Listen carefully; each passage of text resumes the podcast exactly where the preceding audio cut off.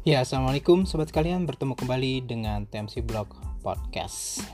Di podcast kali ini Di uh, podcast yang direkam di akhir-akhir 2020 ini Kita mau bicara tentang sesuatu yang Sepertinya nggak terlalu berat sih ya. Kita akan bicara mengenai tes atau pengetesan di MotoGP atau Grand Prix kelas primer MotoGP. Nah, jadi seperti ini teman-teman sekalian.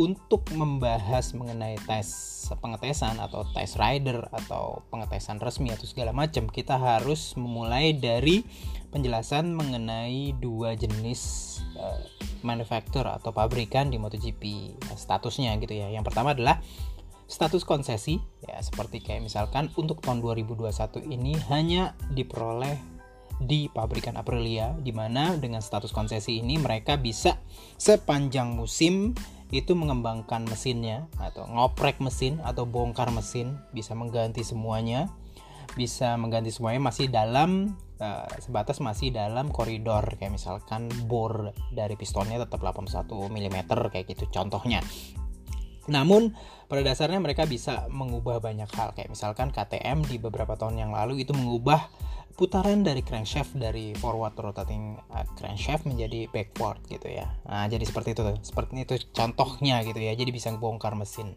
dan mengganti platform mesinnya. Dan satu lagi adalah status non konsesi di mana status non konsesi ini dimiliki oleh lima pabrikan selain Aprilia tadi ya. Kayak misalkan ada Yamaha, ada Honda, ada Suzuki, ada Ducati dan ada KTM di 2021. Nah, eh, perbedaan dari jenis status ini konsesi dan kon non konsesi itu juga berlaku pada pengetesan. Nah, jadi seperti itu. Untuk uh, konsesi mereka bisa melakukan pengetesan kapan pun, di mana pun dan bahkan kapan pun dan dimanapunnya ini dilakukan di sepanjang musim.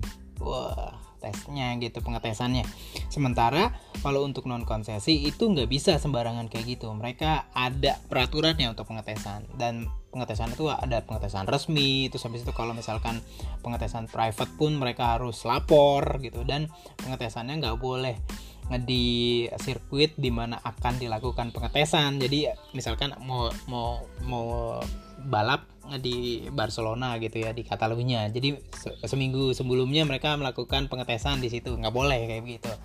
Nah tapi kalau konsesi boleh kayak gitu. Namun sebebas-bebasnya tim konsesi mereka juga punya yang namanya apa namanya restrik eh, restriksi gitu ya atau pembatasan jadi pengetesan itu walaupun bebas sebebas-bebasnya seperti konsesi mereka dilakukan pembatasan yaitu jumlah alokasi ban.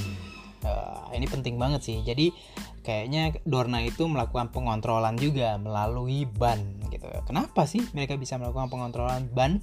Teman-teman sekalian bisa bayangi di kelas MotoGP itu uh, ban itu berarti banget gitu ya. Pengetesan tanpa menggunakan ban Michelin itu boleh dibilang hampir tidak ada artinya jadi mereka melakukan pengetesan dengan MotoGP itu pakai ban Bridgestone atau ban Dunlop atau ban Pirelli SG misalkan yang dipakai di Superbike itu nggak ada artinya. Datanya boleh dibilang nggak banyak nggak banyak nggak banyak bisa dipakai pada saat race weekend. Jadi harus pakai ban misalnya ini pinter juga nih Dorna ya dalam melakukan pengontrolan atau pengendalian. Mereka melakukan melalui ban.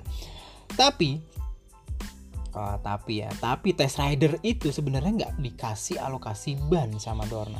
Gitu teman-teman sekalian. Loh, jadi mereka ngetes pakai apa? Nah, jadi seperti itu teman-teman. Jadi yang dilakukan oleh test rider itu mereka menggunakan ban yang dialokasikan untuk uh, pembalap permanennya atau pembalap yang dikontrak dalam satu musimnya gitu. Jadi kayak misalkan Michele Piro dari Ducati itu mereka menggunakan ban yang dialokasikan kepada Jack Miller dan Pecco Bagnaia tahun 2021 atau misalkan Stefan Bradl menggunakan ban yang dialokasikan untuk Mark Marquez dan juga Paul Espargaro untuk Cal Crutchlow di 2021 mereka eh, dia menggunakan uh, pengetesan menggunakan ban Michelin yang dialokasikan kepada Fabio Quartararo dan Maverick Vinales di 2021. Jadi seperti itu pengetesannya. Jadi mereka nggak punya dialokasikan. Jadi mereka tidak dialokasikan ban, tapi mereka menggunakan ban yang dialokasikan kepada pembalap permanen. Jadi seperti itu.